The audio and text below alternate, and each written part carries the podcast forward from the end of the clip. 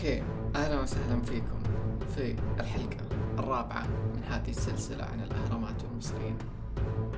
لو ما سمعت الحلقات اللي فاتت مرة مهم تسمعها لأنه الآن حنغوص عميقا في صلب الموضوع وأغلب الأشياء اللي حنقولها لها علاقة بالأشياء اللي قلناها قبل.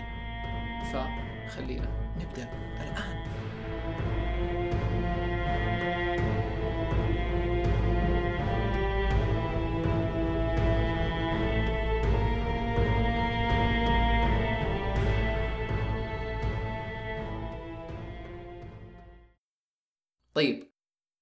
فخلينا نبدأ دحين نتكلم عن أبو الهول okay؟ طول دي السلسلة تقريبا ما جبت سيرته. فجاء الوقت نجيب سيرته. ما هو لأنه شيء جانبي بالعكس أبو الهول من أكبر أسرار مصر من جد من أكبرها وأعجبها. خليني أديك شوية بس تاريخ عن أبو الهول okay؟ لفترة طويلة بس راس أبو الهول اللي كان باين. وأتوقع الفترة أطول منها كان أصلا كله هو مو باين يا إنه كان تحت ال- التراب متغطي أو whatever سنة 1817 ميلادي هي السنة اللي بدأ يستكشف فيها. يعني قبل هذا الوقت كان بس الناس يعرفوه بالراس حقه. كل شيء ثاني كان تحت التراب. ففي عالم آثار جاء في هذاك الوقت بدأ يحفر ويشيل اللي حوالينه ويطلع يبان جسمه أغلبه.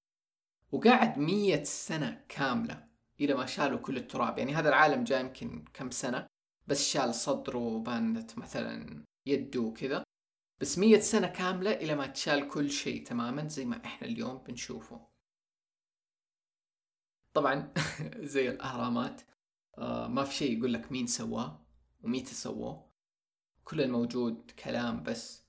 فهم بيقولوا لك إنه عمره 3000 إلى 5000 سنة يعني ده العمر المرجح زي الأهرامات. حنجي لده بعد شوية.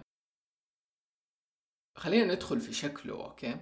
هم إيش يقولوا؟ إنه مين الفرعون اللي تسوى أبو الهول عليه؟ علماء المصريات طبعا حاطين إنه هو خفرع أوكي؟ ودحين كل العلماء الجدد اللي قاعدين يبحثوا في هذا الموضوع ويغوصوا فيه بيقولوا لك ما هو خفرع أصلا. طيب ففي أسباب كثيرة هم ليش ما بيقولوا هو ما هو خفرع حنجي لها دحين. بس خليني أجي لك لأهم الأشياء اللي هم بيقولوها. أول شيء الوجه حق أبو الهول مقاساته وأبعاده مرة غلط بالنسبة للجسم. وأنا ححط صور توضح هذا الشيء لأنه في ناس درسوه. والفراعنة مرة دقيقين في كيف يسووا الأشياء فتخيل إنه الجسم طريقة البناء حقته والمقاسات والأبعاد ما هي مناسبة لل- للراس. مرة فيها شيء غلط وتقدر تشوفها بسهولة. طيب وفي في documentary اسمه Mystery of the Mystery of the Sphinx جايبين فيه له محقق يعني محقق بوليسي وكذا وهو خبير في الأوجه والرسم ودي الأشياء. فقاعد حط أبو الهول ووجهه وكذا وقاعد يرسمه وأكد إنه في شيء غلط. ومو بس كذا الصدمة فين كانت؟ إنه قال إنه تفاصيل الوجه حقت أبو الهول الحالي إنها ال- لوجه أفريقي بشرة سوداء. فهذا يرجع للموضوع اللي قلت لكم عليه في الحلقة اللي فاتت إنه الفراعنة كان في زمن طويل حكموا فيهم فراعنة من بشرة سوداء. وهذا الشيء اللي ما إحنا قاعدين نشوفه دحين الناس بتتكلم عنه. طيب هذا على الوجه إنه في له شيء غلط وكذا. ليش أنا بقول لكم إنه في له شيء غلط وهم بيقولوا إنه في له شيء غلط؟ لأنه المرجح أساسا إنه أبو الهول وجهه أسد. إحنا نعرف هو أسد. فالمرجح إن وجهه كان أسد أصلا ما كان وجه فرعون. في شيء صار في حقبة من الزمن غالبا هي الحقبة دي حقت الفراعنة اللي قبل آه، 2000 سنة قبل الميلاد. جاء أحد يا إنه شال وجه الأسد أو وجه الأسد كان طايح ولا whatever وحط وجهه مكانه. وبرضو هذا الشخص ما هو خفرع يعني لما بيقارنوه ما هو خفرع ولا له أي علاقة بخفرع. فالأصل في أبو الهول إنه وجهه أسد وحنتعمق في ده بعد شوية كمان. في ناس كمان بتقول إنه وجه أسد على بنت لأنه في الإغريق كلمة Sphinx يعني أبو الهول بالإنجليزي اسمه Sphinx. وكلمة Sphinx في الإغريق هو مخلوق أسطوري رأس امرأة وجسم أسد. ففي ناس بيقولوا إنه يا إنه وجه بنت يا إنه وجه أسد بنت كذا يعني. مهم تعرف كمان إنه أبو الهول بيترمم اليوم. ما زال بيترمم من سنين لأنه عليه آثار تعرية وكذا. أبغاك تتخيل معايا كيف تبنى أبو الهول okay؟ أبو الهول ما ما تبنى إنه حجرة فوق حجرة. أبو الهول اتنحت يعني نفس المنطقة اللي هو فيها لو تشوفها هو اتنحت منها. فالحجارة اتشالت من المنطقة اللي هو فيها عشان تنحته. وبعدين الحجارة دي اتشالت لمكان جنبه كذا شويتين اتسوى فيه له معبد. والحجارة اللي تسوت بها هذا المعبد من المنطقة اللي فيها أبو الهول. فهو اتنحت بقايا الحجارة من النحت هذا شالوها وحطوها في المعبد ده. والمعبد ده أصلا سحري لأنه في له حجارة حجم الوحدة فيها 200 طن. okay. إحنا الحلقات اللي فاتت كنا نتكلم عن حجارات جو الأهرامات وزنها 280 طن. وقعدنا نفكر إنه كيف شالوها وما أدري إيش. أنا بكلمك ابو الهول شالوا من عنده حجارة 200 طن ونقلوها المكان المعبد حقه. كيف؟ الله أعلم. طيب خليني أكلمك على عمره لأنه أنا قلت لك إنه هم عمره بيقولوا إنه قبل 5000 سنة أو 2000 سنة قبل الميلاد يعني ده ال range اللي هو دي المدة اللي في اللي في زمن الفراعنة الصدمة الكبيرة إنه عمره أقدم بكثير. okay؟ وهذا الشيء بدأ يكتشف في آخر خمسين سنة تحديدا في الثمانينات لما بدأ عالم اسمه جون أنثوني ويست وعالم آثار ثاني اسمه روبرت شوك جون هو اللي جاب روبرت شوك هو عالم في جامعة في بوسطن أتوقع في أمريكا. جابه مخصوص عشان يشوف أبو الهول okay؟ ف روبرت شوك تقدر تشوف عنه مرة كثير وجون أنثوني ويست بالذات في ال documentary حقهم. يا تشوفوهم في Mystery of the Sphinx أو في The Pyramid Code طيب أول شيء روبرت اكتشفه لما جاء يشوف أبو الهول إنه لقي عليه عوامل تعرية erosion قاعدة تبين عمره الحقيقي. فعليه عوامل تعرية تبين إنه كان في فترة مرة طويلة كان في مطرة قاعدة تنزل على أبو الهول تقريبا مدة المطرة هذه ألف سنة إنه قاعدة تمطر عليه تمطر عليه تمطر عليه إلى ما سوت آثار عوامل التعرية دي. في آخر خمسة آلاف سنة ولا كل ده الوقت ما ما قد جات على المنطقة دي حقت مصر أي أمطار قوية لدي الدرجة ومستمرة. إحنا نعرف ده الشيء دحين. فغريبة مرة معناته معناته أبو الهول أقدم من كذا بكثير. كان في فترة كان فيها مطرة مرة قوية قاعدة تنزل على المنطقة دي الصحراء وغرقت أبو الهول لدرجة سوت كل عوامل التحرية دي. فلما رجعوا للداتا والبيانات إنه متى يعني متى أقرب مدة جات موية أو مطر لدي الدرجة لقيوا إنها كانت قبل تسعة إلى عشرة آلاف سنة. وهذه المدة اللي أرخوا عليها أبو الهول دحين. طبعا مو العلماء المصريين أو يسموهم ال mainstream archaeologists لا. بنتكلم عن الناس دول اللي قاعدين يبحثوا ورا الحقيقة. طبعا علماء المصريات كالعادة مو عاجبهم أي شيء ما يبغوا أي أحد ينكر المعلومات اللي هم قالوها أو يغلطهم. زائد هذا الشيء ينسف كل تاريخهم. اللي هم بيكتبوه بيسووه إنه تطلع الحضارة المصرية أقدم من كذا بكثير كثير مرة. الدليل الثاني اللي هو اللي يخلي أبو الهول مرة عظيم إنه أبو الهول أتبنى قبل الأهرامات لأنه الأهرامات ما عليها نفس عوامل التعرية حقة الموية اللي عند أبو الهول. فإحنا هنا بنعرف إنه أبو الهول أقدم أصلا من الأهرامات نفسها. طيب شيء مهم ثاني إنه أبو الهول هو أسد ويرمز للأسد وقاعدين يقولوا كيف إنه هو اتبنى في عصر الأسد. فاكرين لما تكلمنا الحلقة اللي فاتت عن العصور وإنه إحنا كل ألفين سنة قاعدين نعيش عصر جديد فإحنا حاليا داخلين على عصر الدلو والفترة الأخيرة كنا في عصر الحوت. فبيقول لك إنه الزمن اللي تبنى فيه له أبو الهول كان في عصر الأسد فهو كان يرمز لذا الشيء. ولما نرجع نلاقي إنه قبل عشرة ألاف سنة التاريخ اللي هم وصلوا له كنا في عصر الأسد. فمنطقي إنه نقول أبو الهول اتبنى في هذاك الوقت واتبنى عشان يجسد شيء في السماء. إحنا قاعدين نشوف الفراعنة كيف كل شيء بيبنوه بيجسد شيء في السماء. كأنهم بيرسموا رسمة على الأرض تعكس السماء. وعشان أصدمك زيادة يعني علماء كثير بيقولوا دحين يعني صاروا يوصلوا لنظرية إنه هو قبل عشر آلاف سنة بس ما وقفوا هنا. في ناس بيرجعوه لأقدم من كذا. بيرجعوه يعني قبل عشر آلاف سنة كان عصر الأسد. بيرجعوه قبل ستة وثلاثين ألف سنة عصر الأسد اللي قبله. يعني في ناس بيقولوا احتمال إنه تبنى في هذاك الوقت.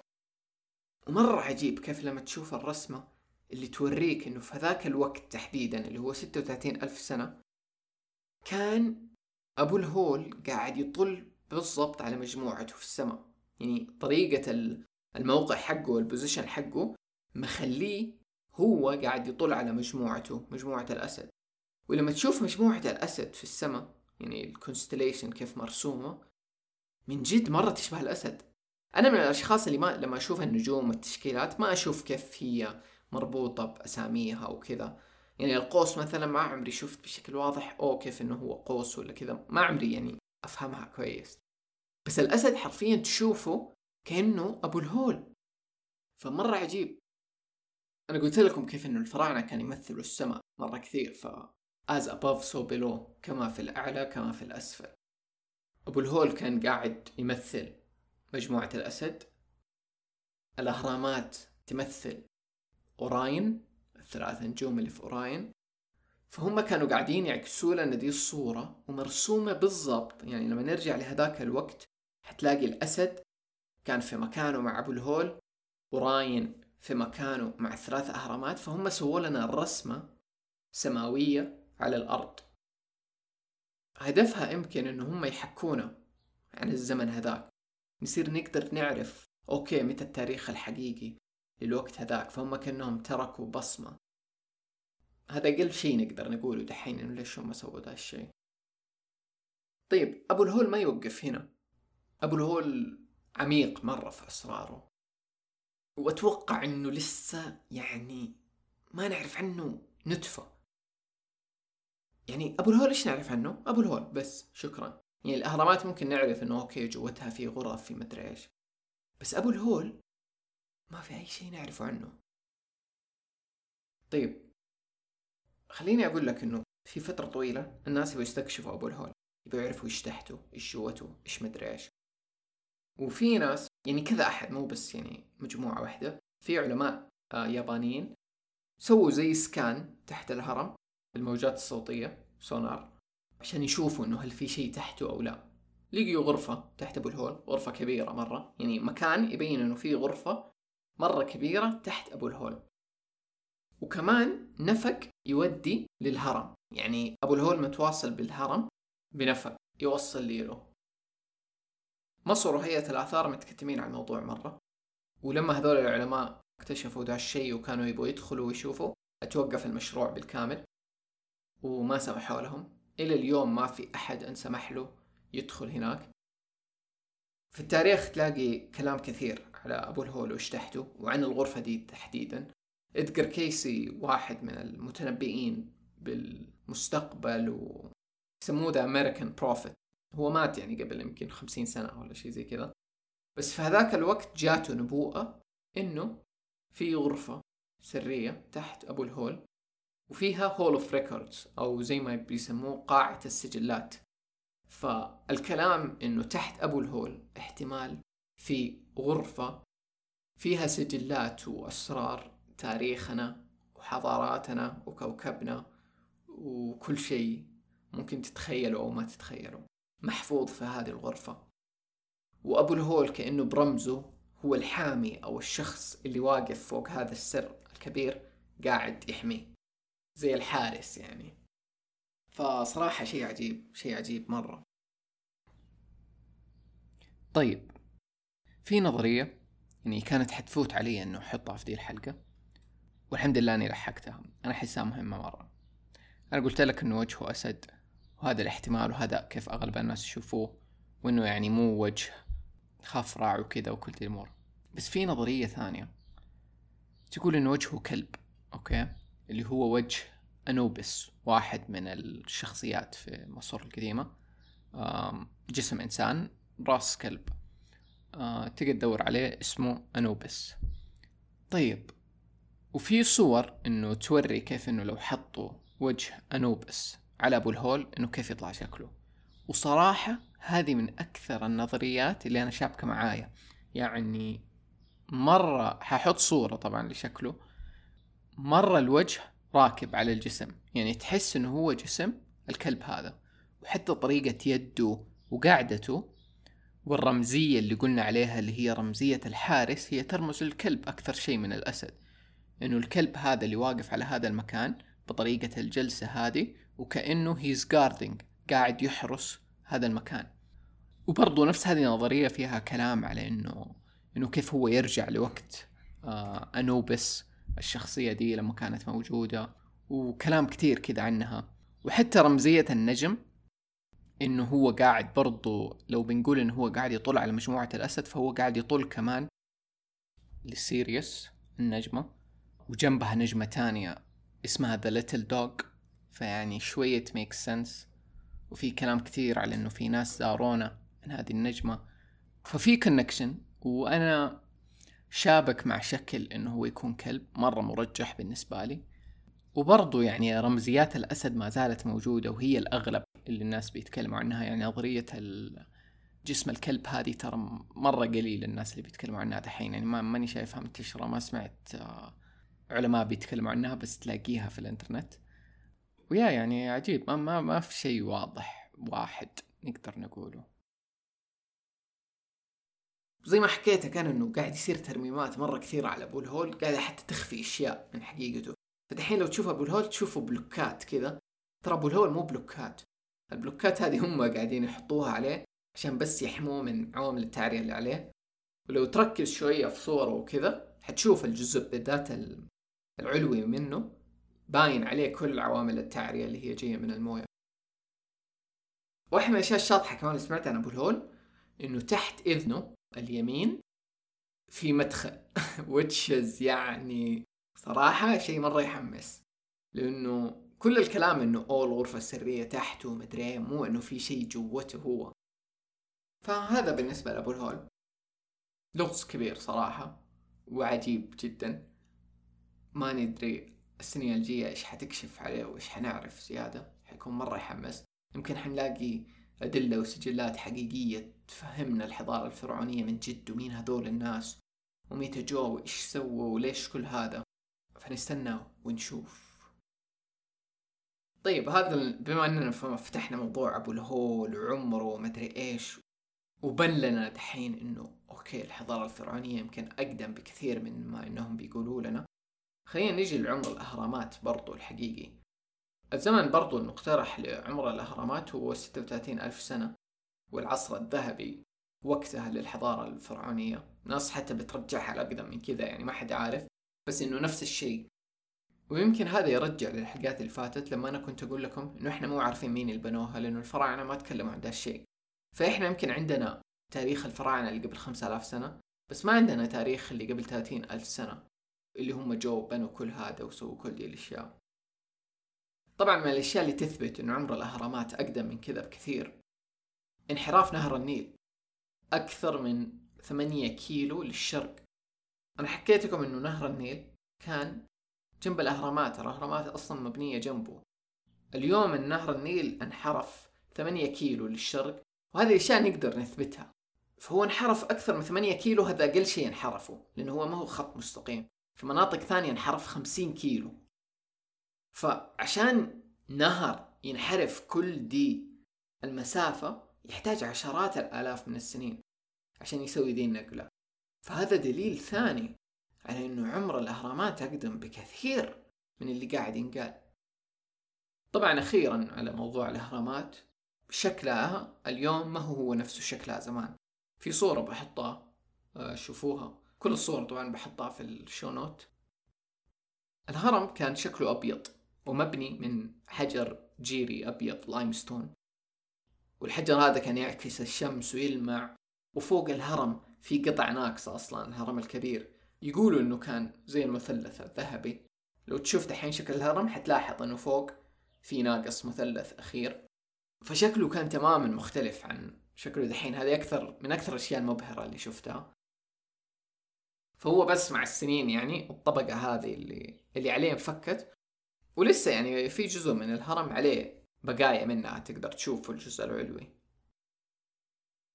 طيب هذا بالنسبة لأبو الهول والأهرامات تحديدا وعمرها. يعني مرة كان مهم بالنسبة لي أوصل لك ذا الشيء. خلينا ندخل الآن في موضوع الفضائيين أو ال aliens okay. في connection مرة كبير على ذا الموضوع مع مصر. فإحنا بنتكلم مية بالمية اللي بنوا دي الأشياء كانوا متطورين أكثر مننا. ممكن إنهم بشر ممكن إنهم فضائيين ما ندري. بس الحين خلينا ندخل في نظرية إنه هل من جد كان في فضائيين في زمن الفراعنة أو مصر عموما؟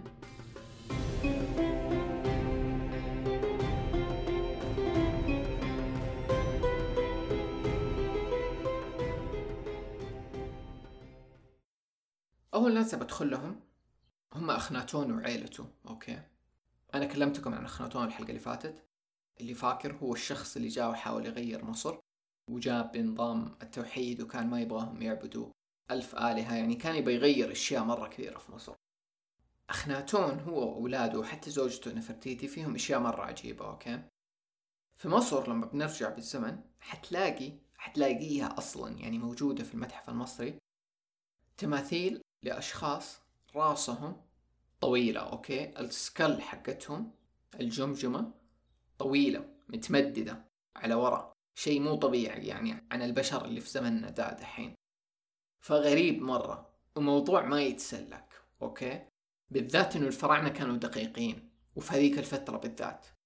ف أخناتون كان يطلب من الفنانين أو النحاتين في في زمنه إنه يجسدوا الأشياء زي ما هي. بتفاصيلها. فتخيل واحدة من بنات أخناتون بحط صورتها. هي من الناس اللي دول اللي باين في التمثال راسها الطويلة وجمجمتها المتمددة ورقبة نحيفة وطويلة. فشكلها مرة غريب عن أي شيء إحنا نعرفه. وزائد تخيل إنه أنت فنان يعني لو بنقول إنه أوه ذا بالغلط ولا هذا نحات أهبل ما ما يعرف في نحات مضبوط. هل كانوا حيخلوا ذا التمثال؟ ما كانوا حيعتبروه إهانة آه لبنت ملك زي أخناتون. وزائد إنه هذا الشيء متكرر مرة كثير يعني مو مرة واحدة. فهو ما هو صدفة ما هو بالهبل. فهدول من جد ناس كانوا موجودين زمان وهي أصلا نظرية مرة كبيرة. اليوم بيلاقوا كذا جمجمة الناس راسهم كبيرة أو متمددة. كمان حتلاقيه إنه بعض الفراعنة يلبسوا قبعة مرة طويلة وغالبا عشان تخفي هذه الجمجمة الكبيرة اللي هي مختلفة عن البشر اللي كانوا موجودين في وقتهم فهم كانوا مختلفين عنهم. من الناس دول اللي حتلاقيهم يلبسوا القبعة هذه أوسايرس لو تشوف صورته. نفرتيتي كمان زوجة أخناتون رأسها طويل. وكمان أخناتون يعني هذا الشيء ما حد بينكره اليوم إنه جسمه عجيب مرة أوكي؟ يعني وسطه كبير وبطنه آه كذا زي كأنه فيها كرشة طايحة. يعني جسمه مرة عجيب عن اللي نعرفه. كثير بيتكلموا عن هذا الشيء مو لاقين له تفسير إنه ليش جسمه كذا مرة غريب. وشيء ملاحظ ثاني إنه البنات بنات أخناتون كلهم ما عندهم شعر which is interesting إنه ليش البنات ما عندهم شعر. فصراحة عائلة أخناتون من أغرب العوائل اللي جات على مصر ولو بنمشي على ذي النظرية فهم جو من برا الكوكب وجو يبوا يساعدوا ويطوروا ويحسنوا بس انرفضوا بشدة وممكن هذا السبب إنه ليش هم بيطمسوا من التاريخ. ومن الأشياء العجيبة إنه بدأت أفهم ليش لعنة الفراعنة ممكن تكون يحطوها على مقابرهم. لأنه أنت تخيل إنه اليوم أخناتون قبره لما بيلاقوه أو القبر اللي هم بيقولوا إنه ذا قبر أخناتون القبر هذا ما ما عليه أي شيء سبيشل ما عليه رسومات ما عليه أي شيء. شيء تاني إنه لو تعرفوا توت عنخ آمون هم بيقولوا إنه هو ولد اخناتون أوكي؟ وهذه يمكن أرهب مقبرة اكتشفت في تاريخ المصريين من أعظم اكتشافات مصر. مقبرة ما كانت ملموسة ما تشال أي شيء منها كلها ذهب وأشياء رهيبة وقناع توت الرهيب مرة. يعني شيء خرافي صراحة. أنا القناع هذا شفته بنفسي في المتحف. شيء شيء رهيب. يعني لما تشوف القناع الذهبي هذا تقعد تفكر كيف انبنى في ذاك الزمن. هذا قناع مبني بليزر تكنولوجي بشيء أبعد ما أنه نتصور. توت ولد أخناتون لقوا المقبرة حقته بالكامل. وتقريبا كل اللي استكشفوا المقبرة هذه ماتوا بعدها بكم شهر ولا أسبوع ولا سنة في نفس هذه الفترة. فهذا جزء من اللعنة.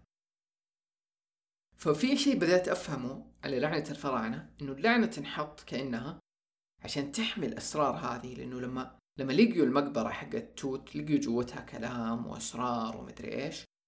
وبعدين لقيوا جنبها مقبرة ثانية بس كل شيء جوتها مكسر كل الرسومات مكسورة بالعنية اللي على التوابيت. وناس بيقولوا إنه يمكن دي حقت أخناتون. فاللعنة كانت تنحط عشان تحمي الأسرار فتخيل لو أنت في زمن الفراعنة وفي فرعون أنت مو عاجبك تبي تمسح تاريخه؟ حتيجي المقبرة حقته وحتمسح كل شيء وما أدري إيه، ما حتسيب أي شيء عنه. بس لو كان في لعنة حماية على هذه المقبرة بالتالي كذا حتنحفظ لأطول مدة ممكنة. إلى ما يجي زمن هي مفروض تطلع للعالم زي زمننا ذا اللي دحين ونعرف عنها. فتخيل إنه مقبرة توت الملك الأسطوري ذا انحفظت كل ذا الزمن. ويمكن ماتوا ناس مرة كثير قاعدوا يحاولوا يفتحوها وما قدروا بسبب اللعنة اللي موجودة أو ماتوا إلى ما انفتحت في زمننا دا دحين ما الأشياء اللي بيقولوها سووا scan جوا الغرفة ولقوا إنه في غرفة سرية وراها مبنية جوا مقبرة توت. ومرة مرة مرجح إنه هي تكون لنفرتيتي أو أخناتون ويمكن جوتها في أسرار كبيرة. برضو مرة تانية الحكومة المصرية ما هي راضية. إنه نستكشف جوا دي الغرفة ويتوقف المشروع مرة تانية فصراحة أشياء مرة عجيبة هنا موجودة. أخناتون مرة رهيب هو وعائلته مرة أسرار كثيرة ممكن تبان منهم. الشخص الثاني اللي يمكن أنا تكلمت عنه هو سايرس. من الأشياء العجيبة فيه لأنه دائما ينرسم بلونه أخضر. وهو مرتبط بنجوم Orion كذا دائما يصور وفي ناس بيقولوا إنه هو رسم أخضر لأنه هو ميت أصلا أو إنه رجع من الموت كذا إنه يتصور دائما في مصر. فهذا واحد من الأسباب ممكن. بس يعني في نسبة كبيرة إنه هو alien لأنه لونه الأخضر وبرضه مجموعته Orion اللي دائما إنه هو جاي منها أو هو يمثلها. راسه الطويلة برضو هذا شيء.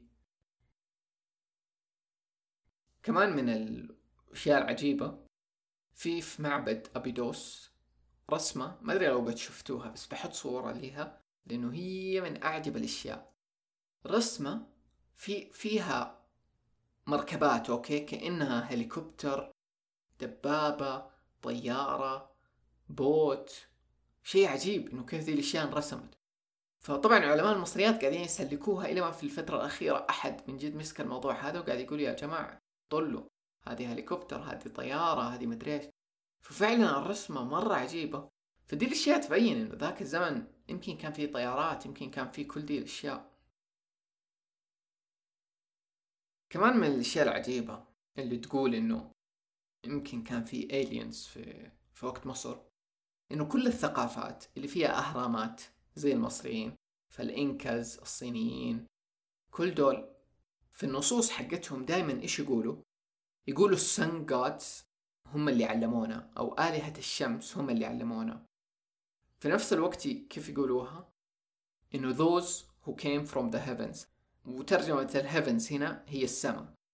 فهذول اللي جو من السماء هم اللي علمونا. وهم يمكن شافوهم ك gods لأنه بالنسبة لهم كان عندهم علوم كان يطيروا كان يجوا يعني بالنسبة لهم شيء مرة عجيب. ف interesting interesting مرة. إنه كل دي الحضارات اتفقت. إنه في ناس جوهم من السماء هم اللي علموهم.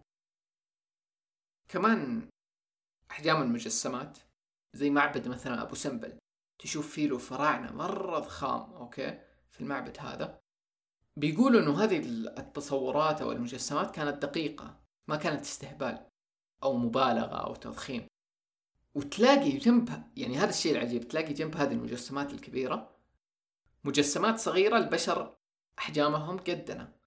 ف عجيب مرة. فكأنهم كانوا بيصوروا إنه كان في هذه الكائنات الكبيرة مرة وكان في البشر العاديين اللي أحجامهم زينا فدي برضو تيجي ترجع كل هالكائنات ما نعرفها في الزمن هذا.